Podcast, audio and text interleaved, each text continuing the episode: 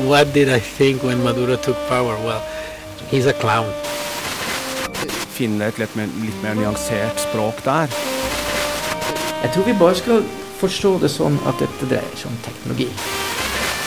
Du hører på Radio Novas samfunns- og aktualitetsmagasin Opplysningen. Hver fredag fra 10 til 11 på Radio Nova.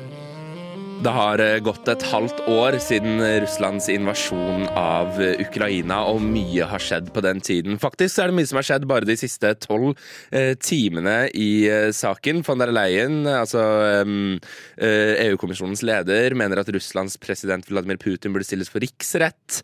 USA diskuterer å sende en 600 millioner dollar våpenpakke til Ukraina, og paven har velsignet våpenbistand i, til Ukraina. Men det er ikke bare det som har skjedd. For uh, i starten så kunne dette virke som en krig som ville vare kort og fort uh, ende i en russisk seier. Men nå, et halvt år etter, så har russerne gått på et kjempetap og mistet store mengder land i Kharkiv-regionen. Og vår reporter Benjamin Nordtømme har tatt en titt på hva som skjer. Om du har kikket i en nettavis i det siste, har du garantert fått med deg Russlands nederlag ved Kharkiv-fronten, og at ukrainske styrker har maktet å gjenerobre store områder.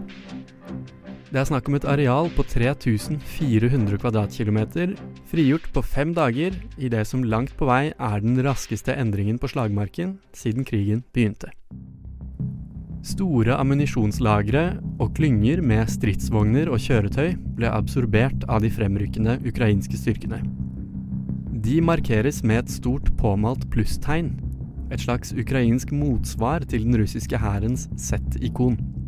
Og paradoksalt nok gjør dette trolig at kapret utstyr fra den russiske hæren er den største kilden for våpen til Ukraina. Ikke intensjonelt, så klart.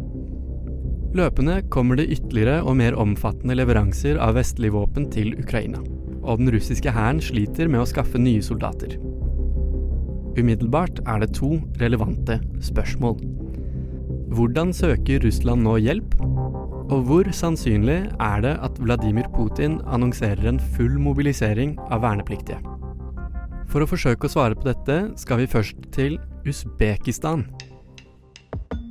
Langt, langt vekk fra frontlinjene møttes Putin og Kinas leder Xi Jinping på en konferanse i den eldgamle byen Samarkand, i hjertet av Silkeveien. Det er første gang de to statslederne møter hverandre siden Russlands såkalte Special Military Operation begynte i februar. Russlands hovedønske i Samarkand er å sikre seg mer diplomatisk og materiell støtte fra Kinas øverste leder. Det er derimot to ting som peker på at dette er ganske usannsynlig.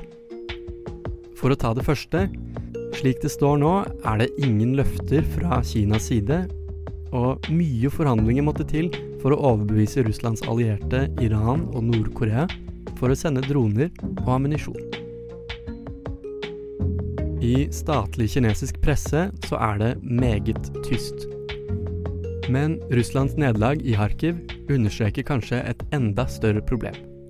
Kreml sliter med rekruttering av nye soldater. Både i den formelle hæren og som kontraktsoldater i den private Wagner-militsen. Opplysningen har sett en video som viser Wagner-militsens sjef i et høysikkerhetsfengsel i Russland. Jevgenij Prigozjin forsøker her å rekruttere dømte russiske kriminelle til å kjempe i krigen mot Ukraina. Første synd er å desertere. Ingen kaster inn håndkle, og ingen overgir seg. De av dere som i løpet av de første dagene endrer mening, blir markert som desertører, og etterpå blir dere henrettet. Hvem andre kan få dere ut av en ti års fengselsdom? Jeg tilbyr å få dere ut herfra i live, men ikke alle av dere vil overleve. All right, karer. Har dere noen spørsmål? I kjølvannet av Ukrainas fremrykk har Russland svart med å bombe kritisk infrastruktur. Senest en demning i Zelenskyjs egen hjemby, Krivi Rih. Det har skapt sterke reaksjoner, bl.a. i den russiske opposisjonen. Den liberale politikeren Maxim Katz lever nå i eksil i Israel. Han hadde følgende å si. Российские ракеты разносят гражданскую инфраструктуру мирных украинских городов. Russiske raketter treffer sivil infrastruktur i fredelige ukrainske byer. Чтобы что? For hva? Объявить можно что угодно, хоть и Луну своей территории. Попробуйте-ка реализовать. Dere kan erklære absolutt hva dere vil.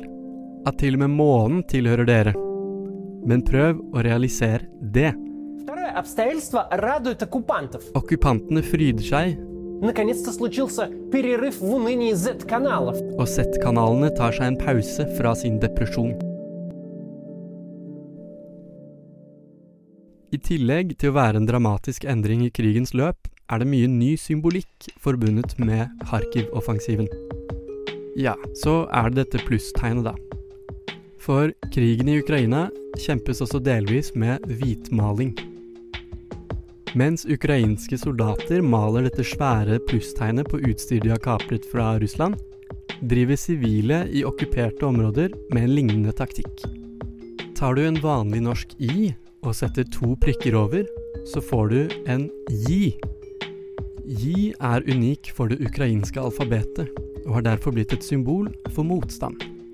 I den sørlige byen Melitopol, der Russland reiste en byste av Vladimir Lenin, så markerte de lokale innbyggerne sin misnøye ved å male et dusin små ji-bokstaver over hele plassen.